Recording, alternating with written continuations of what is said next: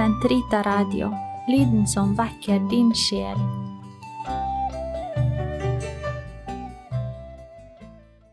Kroppens teologi, en kommentar til pave Johannes Paul 2.s onsdagskatekeser av Eirik Ambrosius Stenhoff. Totus tuus ego sum, et omnia mea tua sunt, archipio te in mea omnia, prebe mi cor tum Maria. Episode 15 Fordypning Kalt til kjærlighet Balthazar om den kristne stand Del 1 Veier til fullkommenhet Kjærligheten som bud og de evangeliske råd Vi skal vie denne siste episoden i den tredje delen av triptyken om kroppens teologi til en fordypning i hva det vil si å være kalt til ulike kristne livsformer eller stender. Spørsmålet er vesentlig. Ethvert menneske er kalt til fellesskap med Gud, enten det er klar over det eller ikke. Dets eksistens er ikke en tilfeldighet, men har en iboende mening. Men selv om den kristne kan ha en sterk erfaring av å være kalt til disippel, er det for mange svært vanskelig å vite hvilken form livet skal ta for øvrig. Er jeg kalt til ekteskap eller til gudvidt liv? Til det sistnevnte ved å være prest, munk eller nonne, eller konsekrert lekperson. Kulturen og omstendighetene vi lever i nå, gjør det ikke enklere å skjelne dette kallet. Denne fordypningsepisoden har til hensikt ikke bare å stille spørsmålet, men å gi det en teologisk forankring. I de to foregående episodene hørte vi om pave Johannes Paul 2.s drøfting av det gudvide liv i lys av kjødets oppstandelse. Jesu ord om at vi ikke skal være gift i den kommende verden, samt hans ord om at noen mennesker er kalt til å leve ugift for himmelrikets skyld, her og nå, peker på en livsform som skilte seg skarpt fra normen i det jødiske samfunn, og, kan vi si, normen i vårt eget. Jesus ga, ikke bare gjennom sine ord, men gjennom sitt livseksempel, et vitnesbyrd om å leve helt og holdent for Gud, allerede i denne verden, som et eskatologisk tegn. Det ekteskapelige og gudvide liv kan samtidig ikke, som vi også så, betraktes som motsetninger. Nei, de utfyller hverandre og belyser hverandre. De er faktisk en nødvendig forutsetning for hverandre. At noen mennesker kalles til å forsake sin kjødelige fruktbarhet for himmelrikets skyld, må nettopp sees i lys både av at vi alle først er skapt for Gud, det paven kaller opprinnelig ensomhet, men også at vi er skapt for forening, opprinnelig enhet.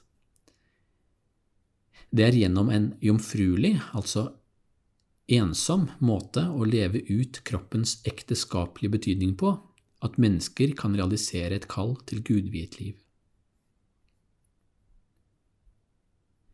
Denne fremstillingen av relasjonen mellom ekteskap og konsekrert liv kan med ett synes vel innovativ eller fremmed ut fra den katolske tradisjonen.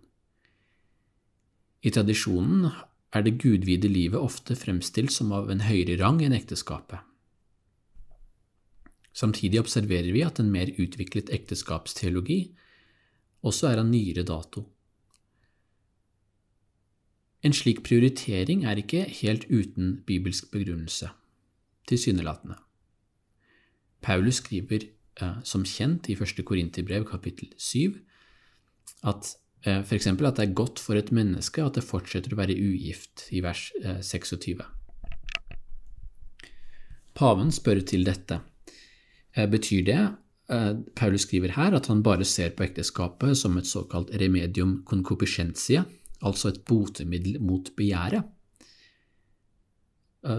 Ikke rent få har gjennom kirkehistorien tolket Paulus slik. Det ville imidlertid innebære et svært reduksjonistisk syn på hva ekteskapet er, og vi finner det egentlig ikke hos Paulus. Paven sier f.eks. at vi må også se på et tidligere vers uh, hos Paulus samt andre brev. Uh, I første Korinterbrev uh, syv vers syv sier Paulus at Enhver har sin nådegave fra Gud, den ene slik, den andre slik. Paulus kommenterer at han selv er takknemlig for å være kalt til ugift liv, slik at han kan tjene Herren med hele sitt liv. Kallet til den ugifte stand og til ekteskapet er, som vi har sett, både et kall og en nådegave. I denne episoden skal vi fordype oss i dette temaet uh, ut fra Hans Ords von Balthasars bok Christlicher Stand, eller Den kristne stand, på engelsk The Christian State of Life, utgitt først på tysk i 1956. Hans Ords von Balthasar uh, levde fra 1905 til 1988. Han var en sveitsisk født teolog med en omfattende litterær produksjon. Sammen med Henri de Lubac og Josef Ratzinger var han en av grunnleggerne av tidsskriftet Communio, og han har øvet enorm innflytelse over katolsk teologi, eh, alt siden før det annet Vatikankonsil. Balthazar var opprinnelig jesuittprest, men forlot den ordenen, Jesus' selskap, for å danne et eh, såkalt sekulærinstitutt, Johannes Gemeinschaft. Jeg skal komme senere inn på hva et sekulærinstitutt er. I løpet av episoden skal vi særlig forsøke å utvikle en innsikt i eh, noe paven um, sier i en, i en, bestemt katekese, på bakgrunn av Balthazars bok. Paven snakker i katekese nummer 78 om hvordan den kristne er kalt til fullkommengjøring. Eh, bakgrunnen for dette er den vi nevnte ovenfor. Ekteskap og avholdenhet er tradisjonelt blitt betraktet som en henholdsvis mindre og mer fullkommen vei. De som har eh, viet livet sitt til Gud, lever i en status perfectionis, altså en fullkommenhetens eh, stand, som jo antyder at ekteskapelig det ekteskapelige liv er noe ufullkomment.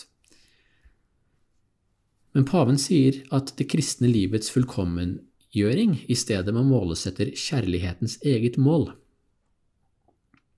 Deretter sier han, eh, sitat, det følger av dette at en person som ikke lever i status perfectionis, dvs. Si en institusjon som baserer livsplanen på løftene til fattigdom, kyskhet og lydighet, eller i et religiøst institutt, men i verden, kan de facto oppnå en høyere grad av fullkommenhet, hvis mål er kjærligheten, enn den person som lever i status perfectionis, men gjør det med en mindre grad av kjærlighet. Sitat slutt. Likevel, legger paven til, sitat, hjelper utvilsomt de evangeliske rådene en til å nå en høyere grad av kjærlighet. Sitat slutt. Pavens kommentar er svært betydningsfull som et korrektiv til en dominerende tradisjon, og samtidig en bekreftelse av det som er mest sanntiden. Hans poeng er at både de som er kalt til ekteskapelig liv, og de som er kalt til gudviet liv, deltar i det samme eh, kjærlighetsbudet. Målet er kjærlighet, og det aktualiseres også i de evangeliske rådene. Han går dermed i den samme retning som Balthazar hadde gjort noen tiår tidligere, og er kanskje indirekte inspirert av ham, men nevner ham ikke i katekesene. Balthazar har imidlertid utviklet dette grunntemaet enda mer, i, i denne boken eh, som nå er gjenstand for uh, vår drøfting. Og vi kan sammenfatte temaet i pavens eget spørsmål. Hva vil det egentlig si at det kristne livets fullkommengjøring må måles etter kjærlighetens eget mål? Hva er kjærligheten? Hva er kjærlighetens eget mål? Det skal vi eh, begynne å ta for oss her, med utgangspunkt i Balthazar, før vi i del to og tre går mer konkret inn på de ulike livsformene og deres begrunnelser.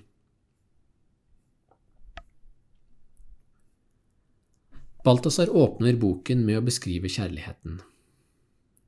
Da Jesus ble spurt om hva som er lovens viktigste bud, svarte han, Du skal elske din Gud av hele ditt hjerte, av hele din sjel og av all din forstand, eller styrke, som det heter i noen oversettelser.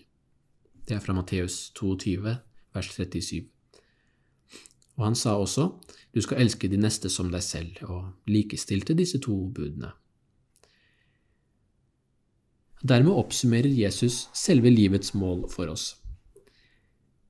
Og det doble kjærlighetsbudet, som vi har hørt så mange ganger før, og man hører det fortsatt i en nokså avkristnet kultur, Det må stadig gjentas, for det er uttrykk for det aller mest vesentlige. Balthazar legger stor vekt på at det er formulert som et bud, og det høyeste sådan. Det er ikke et ideal, ikke et anbefalesverdig formål, men et absolutt bud, som altså ikke kjenner noen unntak. Det er uh, også universelt. Det gjelder alle mennesker, uten unntak. Budet sier i seg selv ingenting om hvordan det skal oppfylles, eller i hvilken grad vi faktisk makter det. Det viktigste er at vi faktisk forsøker å oppfylle det. Ren kjærlighet, sier Balthazar, vet ikke av forpliktelse. Så kjærlighetens logikk er egentlig nokså enkel og samtidig så ufattelig. For det å elske med hele hjertet, som Jesus eh, sier, siterer femte Mosebok, eh, det betyr at man aldri vil kunne si at man elsker nok, og at man dermed har oppfylt sin plikt til å elske ved et eller annet gitt stadium eller et, eller annet punkt. Nei, kjærligheten kjenner ingen grenser, det er det nettopp vi som gjør. Å elske er i sitt vesen å gi seg selv til den elskede, hele hjertet, sjelen og forstand. Og igjen, kjærligheten er et bud som betyr at det gjelder alle mennesker. Men vi står fortsatt overfor spørsmålet om det som i tradisjonen kalles de evangeliske rådene, Eh, om fattigdom, kyskhet og lydighet, og hvilken relasjon de har til kjærligheten. Dette er et indirekte tema i begynnelsen hos Balthazar. Balthazar ønsker, i likhet med Johannes Paul 2., ikke å skille dem for skarpt fra hverandre. Er det f.eks. slik at vi kan identifisere ekteskapet som en budets vei, og det gudvide livet, hvor man ikke gifter seg, som en rådenes vei? Det finnes jo som sagt en tradisjon som snakker om ekteskapet som en remedium concupiscentia, og selv innenfor den lutherske polemikken mot katolsk klosterliv så fantes det jo en slik ekteskapsforståelse. Men Balthazar er naturligvis kritisk til dette, for alle er kalt til kjærlighet, så hvordan kan vi da si at noen er kalt til en særskilt form for fullkommengjøring? Kan vi f.eks. snakke om en større eller mindre grad av fullkommengjøring? avhengig av hvilken livsform man er kalt til. Balthazar nærmer seg i denne omgang spørsmålet gjennom en kommentar til St. Thomas og Kvinas verk om det åndelige livets fullkommengjøring, de perfectione spiritualis vite på latin. Og det er nok representativt for en katolsk tradisjon på dette punkt. Thomas begynner med kjærligheten som finnes i Gud selv. Deretter snakker han om de hellige i himmelen som oppfyller kjærlighetsbudet på en fullkommen måte. Eh, og til, til, slutt skriver han om kjærlighetsbudet slik det etterleves av mennesker i dette livet. Eh, og eh, det er en del av et større og komplisert resonnement, men Balthazars studie av Thomas' tenkning avdekker at skillet mellom bud og råd egentlig kollapser. For hvis det dobbelte kjærlighetsbudet skal ha noen mening, kan det ikke kvalifiseres eller suppleres av andre ting, som disse rådene. Og Thomas har en tendens til å beskrive rådene som en årsak til fullkommengjøringen, til selve kilden til kjærligheten.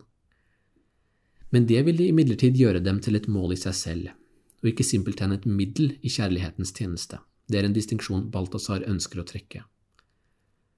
Da vil man følgelig også ende opp med to former for liv, ett i henhold til status perfectionis og ett i henhold til status imperfectionis. Så hvordan kan vi unngå en slik spaltning? Først viser Balthazar til syndens realitet.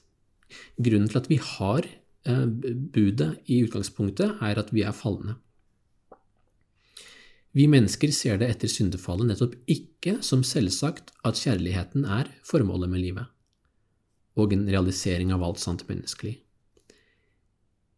Vi besitter ikke kjærligheten i den fullkomne grad som Gud eh, kaller oss til. Så en nærmere refleksjon over syndens realitet vil samtidig vise oss hvorfor tradisjonen har vektlagt de evangeliske råd som et botemiddel mot synd. Men stikkord er nettopp botemiddel. Dette forutsetter at rådene er midler og ikke mål. Et dypere svar, eller en ansats til et dypere svar, eh, som vi skal utvikle senere, finner Balthazar i sin egen læremester gjennom mange år som jesuittprest, nemlig Ignatius av Loyola. Balthazar peker på den ignasianske indifferentia, likegyldighet, som er en nøkkel eh, i Ignatius' åndelige øvelser. Likegyldighet må her forstås som en indre disposisjon, hvor man endelig er satt fri til å velge den vei Gud har valgt ut for en. Og Det er også formålet med å utføre de åndelige øvelsene, som mange norske kristne etter hvert har gjort. Fra én side sett, skriver Balthazar, fremstår de evangeliske rådenes vei eh, langt bedre enn budenes vei. Det antyder også Ignatius. Men fra en annen side sett, sitat, synes fullkommengjøringen av kjærligheten å være så dypt forankret i en likegyldighetens disposisjon at den, i kjærlighet, er gjort klar for alt som kreves av den, slik at det ikke lenger er mulig å forstå hvorfor rådenes vei blir fremstilt som mer fullkomne enn budenes vei. Sitat slutt. Som vi aner allerede her, går dette i samme retning som pave Johannes Paul 2.s egen beskrivelse av relasjonen mellom bud og råd, eller kjærlighet og eh, de evangeliske råd. I neste del av denne episoden skal vi utdype poenget vi nå har kommet inn på, og vi skal snakke mer om det teologiske grunnlaget for de ulike kristne livsformer. Gloria patri et filio et spiritui sancto, sicut erat in principio et nunc et semper, et in secula secolorum. Amen.